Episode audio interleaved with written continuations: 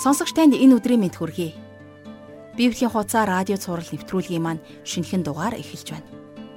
Өнгөрсөн хичээлээр бид Юдас Есүсээс хэрхэн урвж, Есүс хэрхэн баривчлагдсан тухай болоод Есүсийг тэрүүн дахилчийн герт аваачих үед Симон Петр Есүсийг хэрхэн үгүйсгсэн тухай үцэцгээсэн. Оросын алдар жанжин Суворов тулааны үед нэгэн цэрэг нь шантран айж нуугдахыг харсан ч шагнах цэргүүдийн тоонд оруулж шагнаж. Гэтэл цэрэг орой цацарт нь ирж үннээ хүлээн одонгоо буцаах гэтэл жанжин би хадгалж бай гэд түүнийг үннээ хүлээн эргэн ирсэн зоргийг нь үнлэн саашаасан гэдэг. Харин дараагийн тулаанд тэр цэрэг дайсны цайзыг хамгийн түрүүнд даван орсон гавьяагаараа одонгоо эргүүлэн авч нэр төртөөгөөр түүнийгээ зөөсөн гэдэг. Танд бурхан уучлал нэгүүлслээ хайрлсан бол дахин хийх боломж байна гэсэн үг. Харин Есүс бидний нүглийн төлөөсийг өөртөө авч эвлэрлийг нэг удаа хийж бүрэн гүйцэд дуусгасан юм. Ингээд өнөөдрийн хичээлээр Есүсийн бидний төлөө загалмайд хийсэн тэрхүү тулааны гайхамшигтай үйлс хэрхэн өрнөхийг хамтдаа үздэсгэх болно. Ингээд хичээлдээ орохоос өмнө товчхон залбирцгаая. Эзэн бурхан минь, та гимтээ бидний төлөө гимгүү Есүс Христийг загалмай дээр хадаж бидний бүх гим нүглийг түүн дээр тогсон билээ. Түүний шарахаар бид эдгээгдэж, түүний цусаар бид аврагдсан билээ. Эзэн минь, энэ өдөр таны энхүү гайхамшигтай ивэл нэгүслийг бид дахин дурсан санахыг хүсэж байна. Их эзэн минь ээ, та бидэнд өөрийн үгээрээ дамжуулан бидэнд өөрийгөө илчлэн таниулж өгөөрэй. Ариун сүнсээр энэ цагийг та удирдан тосолж өгөөрэй бид бүх зүйлийг таньдаа даатгаж Есүс Христийн нэрээр залбирanгуйлаа. Амен. За бид хамтдаа Лук номын судлалыг үргэлжлүүлэн үзэхдээ Есүс Христийн энэ дэлхийд ирсэн тэрхүү гайхамшигтай учир шалтгааны талаар хамтдаа суралцж байгаа билээ. Ингээд өнөөдрийнхөө хичээлээр 22 дугаар бүлгээ үргэлжлүүлэн үздэцгээе. 63-аас 65 дугаар ишлэл. Харгалзагчид Есүсийг зодож түүгээр доог тохуу хийв. Тэд Есүсийн үдийг боогод чамайг хэн цогсныг иш үзүүлээд ихтэй гэж түүнээс асууцгааж байлаа. Тэд түүний эсрэг элдвийн юм хэлж доромжлон гутааж байв. За тэгэхээр Юдэн шашны ахлах тахилч нар болон ахлагчид Есүсийг Аннасын герт авчирсан байна. Есүсийг ямар нэгэн буруутгах шалтгаангүйгээр баривчлах нь өөрөө хууль бус үйлдэл байсан учраас тэд нар Есүсийг буруутгах ямарваа нэгэн шалтгаан олох хүртлээр түүнийг тэнд нь хорж за тэгээд тэд өөр хоорондоо зөвлөлөөрөө Есүс тохох хэрэгэ зөвлөлдөж байсан байна. За өөрөөр хэлэх юм бол тэд нар Есүсийг буруутгах шалтгаан төлөвлөгөө зохиож амжихаасаа өмнө түүнийг баривчилчихсан байсан. За сонирхолтой нь гэх юм бол тэд Есүсийг ийм хурдан баривчилж чадна гэж бодоагүй байсан. За магадгүй Юдас тэднэр дээр ирээд Та нар Есүсийг барих боломжтой байгаа дээрээ барихгүй бол хизээч барьж чадахгүй шүү гэж хэлсэн ч байж магадгүй. Хэрвээ Есүсийг хотоос нэгэнд гараад явчих юм бол дахиж барихаасаа өнгөрнө гэж тэд нар бодсон байх. Харин эзэн Есүсийн хувьд бол тэднээс зүхтах санаа бодлого байсан. Есүсийг баривчилж шүүссэн энэ үйлдэл нь маш олон талаараа хууль бус байсан гэдгийг талав мэдэх бах.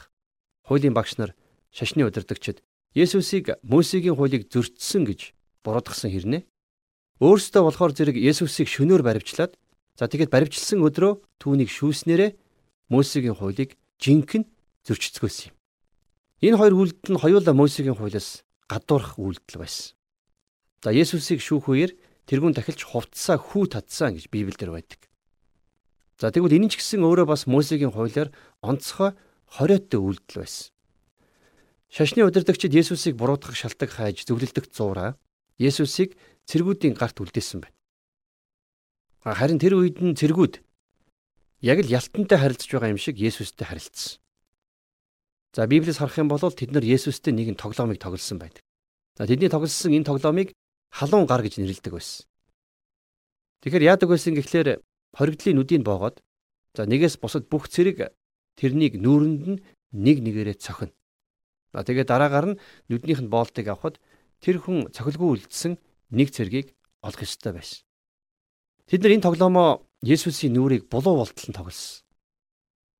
Ингэснээр Есүсийн царайг хараад хүн таних аргагүй болгосон гэсэн үг. Түүний нүур хэлбэр дүрсээ алдсан байсан. Тэгэхээр энэ бүхэн болвол яахын аргагүй хуучин гэрээний зүнж Исаягийн 52-ын 14 дээр хэлсэнчлэн үүний төрх нь альва хүнийхээс түүний хэлбэр нь хүний хүүгүүдийнхээс илүүгээр зэрэмдэг байсан учраас олон хүмүүс чамайг үзээд хэрдхий гэж иш үзүүлэн зөвгнөн битсэн байна. Есүсийн царайг харахаас нүд халтармаар болсон байсан гэдэгт би үнэхээр итгэлтэй байна. Ингэтлээ зодуулсан учраас Есүс загалмаагаа хүртэл үүрч даахгүй болсон байсан. За 22 дугаар бүлгийн 66-аас 69 дугаар ишлэлдэр өглөө болоход ард олонны ахлагчдын зөвлөл хуран чуулж ахлах тахилч нар болон хуулийн багш нар Есүсийг зөвлөлийн танхимд хөргүүлв. Тэд хэрвээ чи Христ мөн юм бол бидэнд хэлээт гэхэд тэр би хэлбэл та нар итгэхгүй. Би та нараас асуувал та нар хариулахгүй. Харин үүнээс хойш хүний хүү Бурхны сүр хүчний баруун талд залрах болно гэжээ гэсэн байна. За шашны зөвлөлийнхэн Есүсээс хоёр асуултыг тавьсан байна. За эхнийх нь асуулт бол чи Христ мөн юм уу гэсэн асуулт байсан. За хэрвээ Есүс тийм ээ гэж хариулах юм бол түүнийг Ромын эсрэг тэрсэлсэн гэсэн шалтгаанаар буруутгаж болох байлаа. За хуучин гэрээний дуул номын 110 дугаар дуулалын 1-р эшлэлдэр Эзэн миний эзэнд би чиний дайснуудыг хөлийн чинь гიშхүр болгох хүртэл миний баруун гар талд суу гэдэг гэж бичигдсэн байдаг. Тэгэхээр үнэндээ Есүс бол хаадын хаан эзэдийн эзэн байсан. За цааш нь 70 дугаар ишлэлдэр тэд бүгд чи тэгэд бурхны хүү юм уу гэсэнд тэр тэдэнд би мөн гэдгийг та нар хэлж байна гэв. За энэ бол яахын аргагүй өнөөх шашны зөвлөлийнхний хоёр дахь дайралт байсан юм. За цааш нь 71 дугаар ишлэгийг харъя. Тэд бидэнд өөр ямар гэрчлэл хэрэгтэй юм бэ? Бид өөрсдөө үүнийг түүний өөрийнх нь амнаас сонслоо шүү дээ гэцгээв. Тэгэхээр Тэд нэр яг л энэ шалтгааны улмаас Есүсийг цавдлсан юм. А гэхдээ тэд нар Есүсийг Ромын шүүхийн өмнө авчрахдаа энэ шалтгаанаа хилээгүй гэдгийг санаарай. Тэд нар Евдийн шүүхээс гарч Ромын шүүхийн өмнө ирэхдээ Есүсийг буруутгаж байсан шалтгаанаа тэр чигээр нь өөрчилсөн байдаг. За ингээд энэхүү үйл явдлын үргэлжлэл 23 дугаар бүлгээр үргэлжлэх болно. Ингээд хамтдаа Лук номынхаа 23 дугаар бүлгийг дэлгэцгээе. За надтай хамт нэгээс 2 дугаар ишлэлийг уншаарай. Тэгээд тэд бүгд босож түүнийг Пилатын өмнө хөргүүлв. Тэд Есүсийг буруутгаж эхлэн энэ хүн манай үндэстнийг төөрөгдүүлэн Цэсарт татвар төлөхийг хорж өөрийгөө Христ хаан гэж байхыг нь бид харсан гэсэнд. За тэгэхээр энд Пилатын тухай хэдийн юм хэлхийг хүсэж байна. За тэгэхээр Понти Пилат гэгч энэ ирхэн болвол тухайн үеийн Палестины нутаг дэвсгэрийг захирч байсан Ромын амбан захирагч хүн байсан. За тэрээр дээгүр өнгөрөх баярын үеэр голдуу Иерусалимд ирж евдээчүүдийг үндэсний баяраа хэрхэн тэмдэглэхийг нь хардаг байсан. За ромчуудын хувьд Мосегийн хуулийг зөрчнө гэдэг ерөөсө хүнд ял биш учраас тэд нар Есүсийг огт үйлдээгүй за бүр урган тэрсэлтийн тим гимт хэрэгээр гүтгсэн юм. За 23 дугаар бүлгийнхээ 3 дугаар ишлэлдэр Пилат түүнээс та евдээчүүдийн хаан юм уу гэж асуухад тэр хариуд нь таач хэлж байна гэв. Гэхдээ та энэ үйл явдлыг төсөөлөд бодоод үзээрэй. Ромын захирагч Пилатын өмнө тийм ээ ядруухан хувцалсан мужаан ир зогсож байна. Тэр мужааныг евдэн шашны томоохон удирдагч нар барьж ирсэн. Тэгсэн Пилат тэрнээс нэг утгагүй асуултыг асууж байна. Пилат Есүсээс Та тэгээд евдээчүүдийн хаан юм уу гэж асуусан. Харин Есүс хариуд нь таач хэлж байна гэж хариулдаг. Тэгэхээр Есүс бол үннээ л хэлсэн. А тэгээд ч Пилат түүнийг сулалж тавьж явуулахыг хүсдэг. За энэ үйл явдлыг дөрөвдүгээр ишлэлээр үргэлжлүүлэн харцгаая. Пилат ахлах тахилч нар болон хурсан олонд би энэ хүнээс ямар ч гин бурууг олсонгүй гэж хэлв. За энд Пилат Есүсийг буруутгах ямар ч шалтгаан олоогүй гэж хэлсэн байна. За цааш нь 5 дугаар эшлэлдэр харин тэд тэр Галилаас эхлэн энэ газрыг хүртэл Евдийн бүх нутгаар сургаалаа заан ард олныг өдөөн хатгаж байна гэж шаардангуй хэлж байв. Тэгэхэр байж одоо болохоор шашны удирдагчид Есүсийг ховсголын удирдагч болгон гүтгэж байна. Түүнийг эрх мэдлийн эсрэг бослого дэгдээсэн гэж гүтгсэн гэсэн үг. За тэгвэл 6-аас 7 дугаар эшлэлдэр Пилат үүнийг сонсоод энэ хүн чинь Галилийн хуу гэж асуув. Түүнийг Херодийн эрх мэдэлд харьяалагдаг гэдгийг мэдмэгцээ. Тэр үед Иерусалимд байсан Херодд илгээжээ. За энэ ишлээс харах юм бол Пилат элдв дэмийн асуудалтай орооцолдохыг хүсээг нь харагддаг. За нэгэнт Галил аймаг бол Херод хааны эрх мэдэлд хамаарх учраас тэгэд ч Херод өөрөө Иерусалимд байгаа учраас Пилат Есүсийг Херод хаан руу илгээсэн байна. За тэр үеэр Херод Иерусалимд байж таарсан нь тохиолдлын зүйл байгаагүй гэж би хувьдаа боддөг юм. За цааш нь харъя 8 дугаар ишлэл дээр. Херод Есүсийг хараад ихэд баярлав. Тэрээр Есүсийн тухай сонсож Түүнээс ямар нэгэн тэмдгийг харнаа хэмээн найдаж байсан тул Есүсийг харахыг удтал хүсэж байжээ. За өмнө нь Есүс Херодийн талаар фарисеучудад хандаж явж тэр үнэгэнд үзэгтэн би өнөөдөр маргааш чөтгөрүүдийг зайлуулж өвчнөд нэрвэгдэхстийг идгэн. Гуравт өдөр нь би өөрийн зорилгоо гүйцэнэ гэж хэл гэж хэлүүлж байсан шүү дээ. За энэ тухай бид нэр Лук номын 13 дугаар бүлгийн 32 дугаар ишлэлийнхэн судлалаас үзсэн. За Херод бол Есүсийг маш их сонирхож байсан байна. За тиймээс ч Есүстэй уулзахыг зөвшөөрдөг. За 23 дугаар бүлгийн 9 дугаар ишлэлдэр тэгээд түүнээс баахан асуулт асуув. Гэвч тэр түүнд юу ч хариулсангүй. Эзэн Есүс Херодтэй нэг ч үг солиогүй юм. Херод бол үнэхээр хөгшин үнэг байсан. Тэр бол засархаасаа нэгэнт өнгөрсөн хүнд гар байсан. Тэр бол бузар булай Херодийн гэр бүлийн гишүүн байсан. За тиймдээ ч эзэн Есүс тэрэнд хүрэх гэж огт оролдоогүй байна.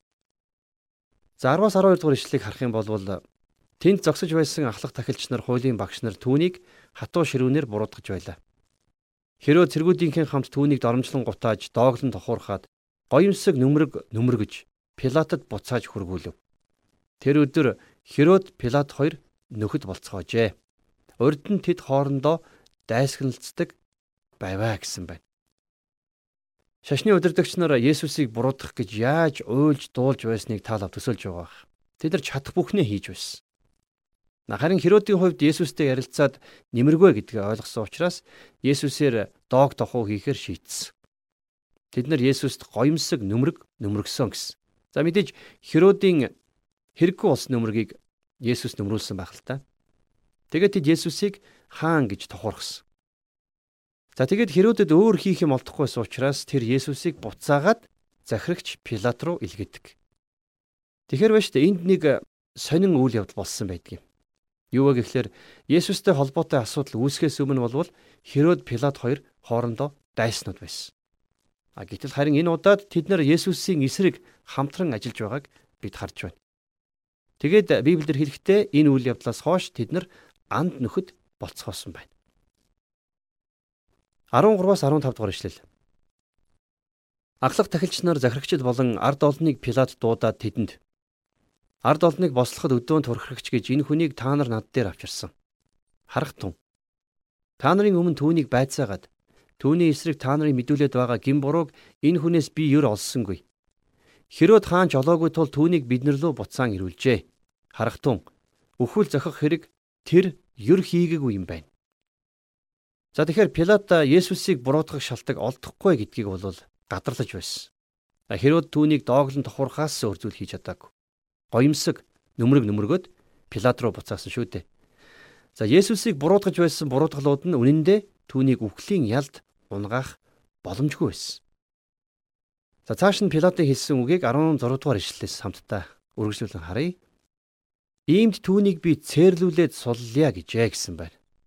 За энэ бол буруу. Хэрвээ Есүс ямар нэгэн буруу юм хийсэн бол цээрлүүлэх нь зөв л дөө.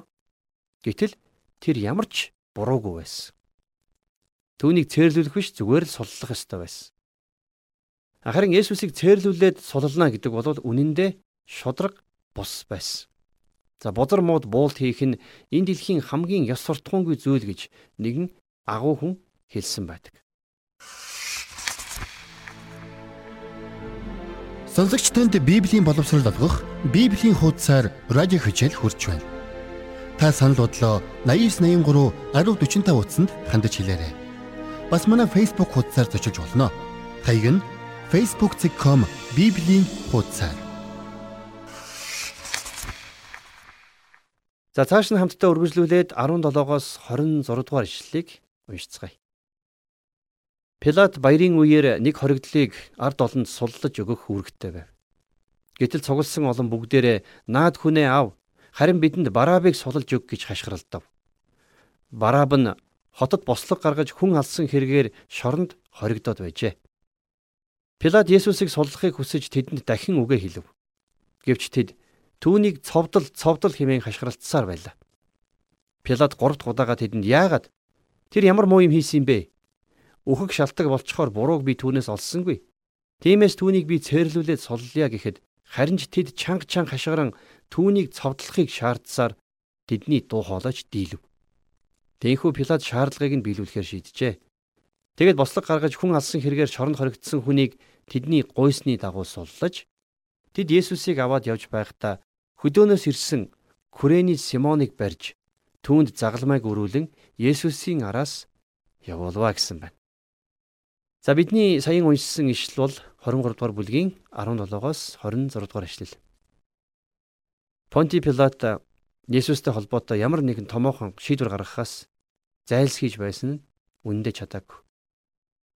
Хэрвээ бид нар энэ бүх процессыг анхааралтай харах юм бол Пилат шүүгдэж Есүс шүүж байгаа юм шиг харагддаг. Есүс шүүлтээс зугтаж зайлсхийгээгүй харин Пилат зайлсхийж байсан. За бүр нойтон хамуушиг энэ шашны удирдагчдаа сал гарга Пилат олж ядан байсан.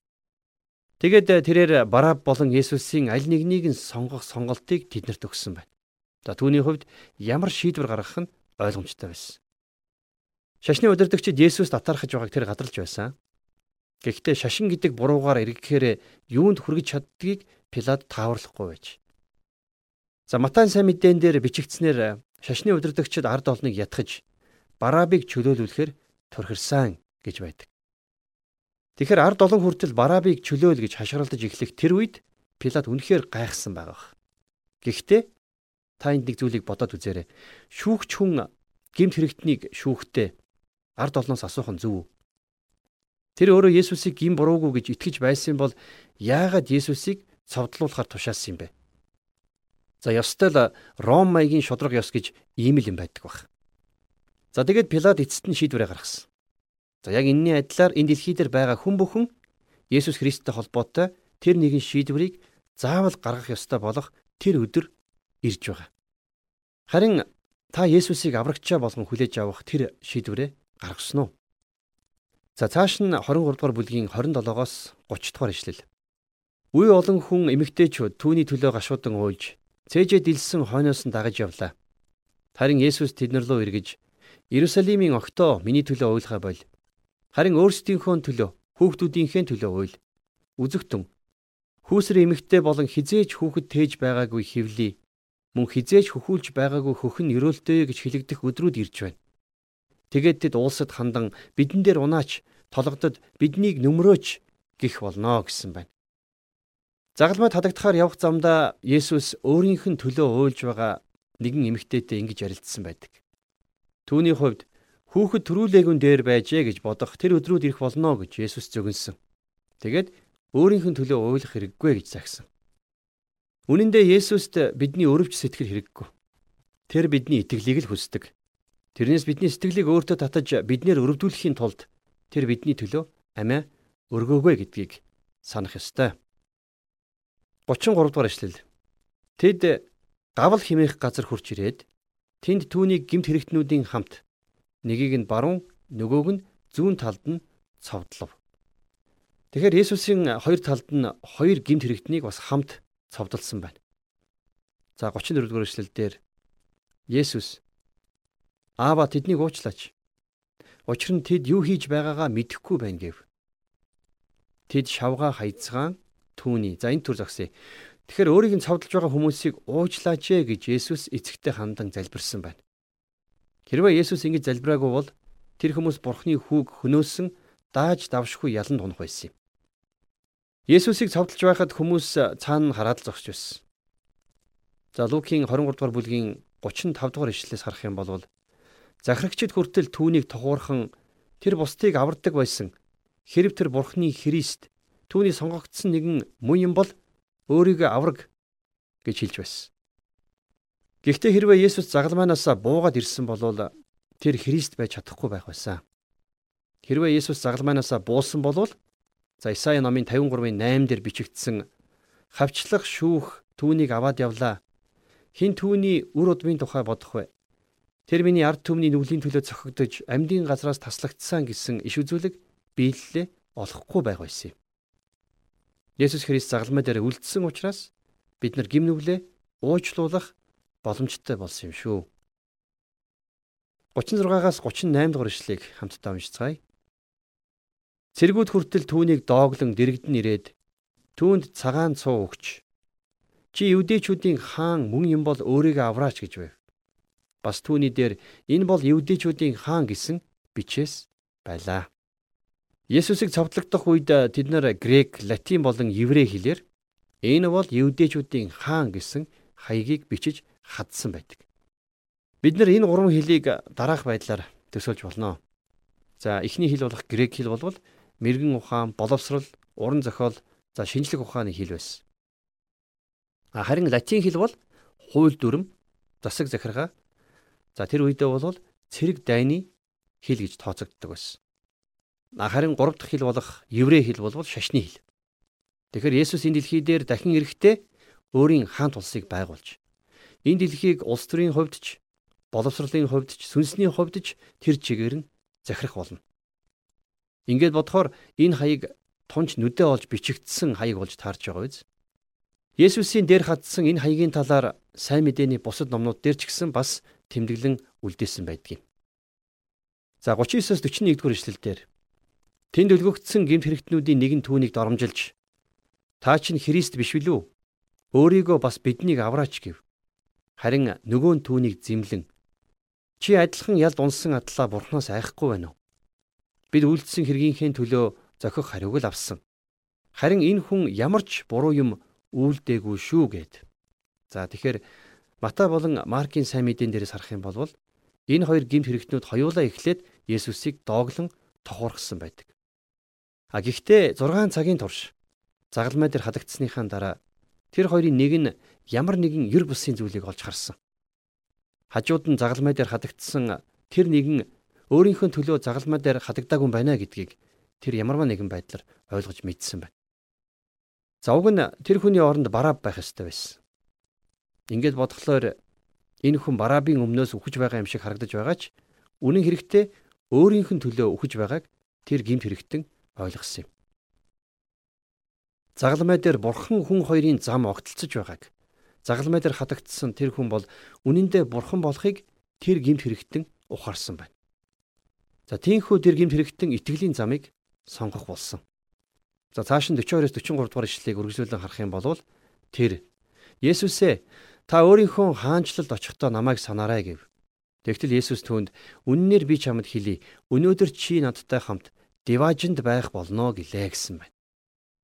За тэгэхээр тэр гимт хэрэгтэн Ромын хуулийн дагуу шийтгэлээ хүлээж энэ дэлхий дээр амьд явах зохисгүй тооцогдсон цаазлагдж энэ дэлхийг орхин одсон тэр мөчөд харин эзэн Есүстэй хамт байхаар явсан байна. За тэр хүн мэдээж адгийн муу хүн байсан. Адгийн муу гимт хэрэгтэн байсан. А гэхдээ бурхны хүүд итгэсэн учраас энэ хүн эцсийн мөчөд авралыг авсан гимт хэрэгтэн болсон юм. За загалмай дээр эзэн Есүс нэгэн гайхалтай тунхаглыг хэлсэн байна. Тэр гимт хэрэгтнийг тэр өдөр Есүстэй хамт явах болно гэж айлтсан. Энэ хоёр гимт хэрэгтэн адилхан гимт хэргийн улмаас баригдаж, адилхан шүүгдэж, адилхан буруутгагдаж, адилхан яллагдаж, адилхан үхлээр үхэж байсан. Тэгвэл энэ хоёр хүний ялгаа нь яг юундаа байсан бэ? Үнэн дээр тэр хоёрт ямар ч ялгаа байгаагүй. Ганцхан нэг нь Есүс Христэд итгэж, нөгөө нь итгээгүүд л хамаг учир баг юм. Тэр гимт хэрэгтэн энэ дэлхий дээр байх хугацаанд Бурханд үйлчлэхээс өнгөрсөн байсан. Бусдад туслахаасаа ч өнгөрсөн байсан. Яг үг гэхлээр түүний гар хөлн загалмай дээр хадаатай байлаа. Тэр үхэлтэд учрахаар хүлээж байсан. Гисэн хэдий Есүс тэр гимт хэрэгтэнд хандаад Өнөөдөр чи надтай хамт Деважинд байх болно гэж айлдсан юм. Тэгэхээр тэр гинт хэрэгтэн Есүс Христэд итгэсэн учраас за тэгээд гагцхүү тэр итгэлийн улмаас л мөнхийн улсад орох эрхийг авсан юм шүү дээ.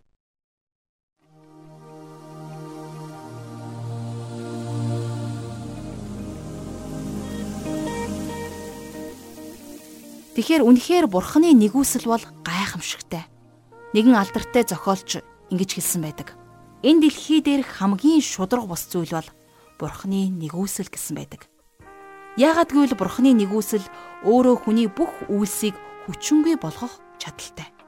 Би өршөөх хүнээ өршөөнө гэсэн Бурханд хинч та тэрнийг өршөөчхөд надад яагаад ингэж хандж байгаа юм бэ гэж асуулт тавих шаардлагагүй бас ирэхгүй. Надад Бурхны нэрээр хийсэн зүйл байна гэж хэллээгээд та бас нэгүслийг хүртэхгүй. Тиймээс энэ гайхалтай ивэлээ Бурхан хүнийг ямар нөхцөлтэй байхад сойрхож байгааг суралцах хэрэгтэй. Энэ бол мэдээж итгэл шүү дээ. Эзэн Есүст итгэх түн тэгвэл чи болон чиний гэр бүл аврагдах болно гэсэн үг байдаг. Энэ үгээр өнөөдрийн хичээлээ дуусгаж хамтдаа залбирцгаая. Эзэн бурхан минь, таны нэгүсэл бид өөрсдийгөө даатгаж байна. Өдөр бүр таны нэгүсэл дотор амьдрахад бидэнд туслаач. Бид таны өмнө даруугаар амьдрахад танд итгэсэн итгэл дотроо итгэмжтэйгээр алхахад та бидэнд туслаарай. Ариун сүнсээрээ биднийг та удирдах өгөөрэй. Бид ам амьдралаа зүрх сэтгэлээ тань даатгаж Есүс Христийн нэрээр залбирanгуйлаа. Амен. Сонсогч танд Библийн хуудасаар радио хичээл хүрлээ. Энэхүү хичээл маань даваагаас баасан гарагийн 14 цаг 5 минутаас танд хүрж болно. Та санал бодлоо 8983 1045 утсанд болон манай Библи хуудас @gmail.com цахим хаягт хандаж ирүүлээрэй.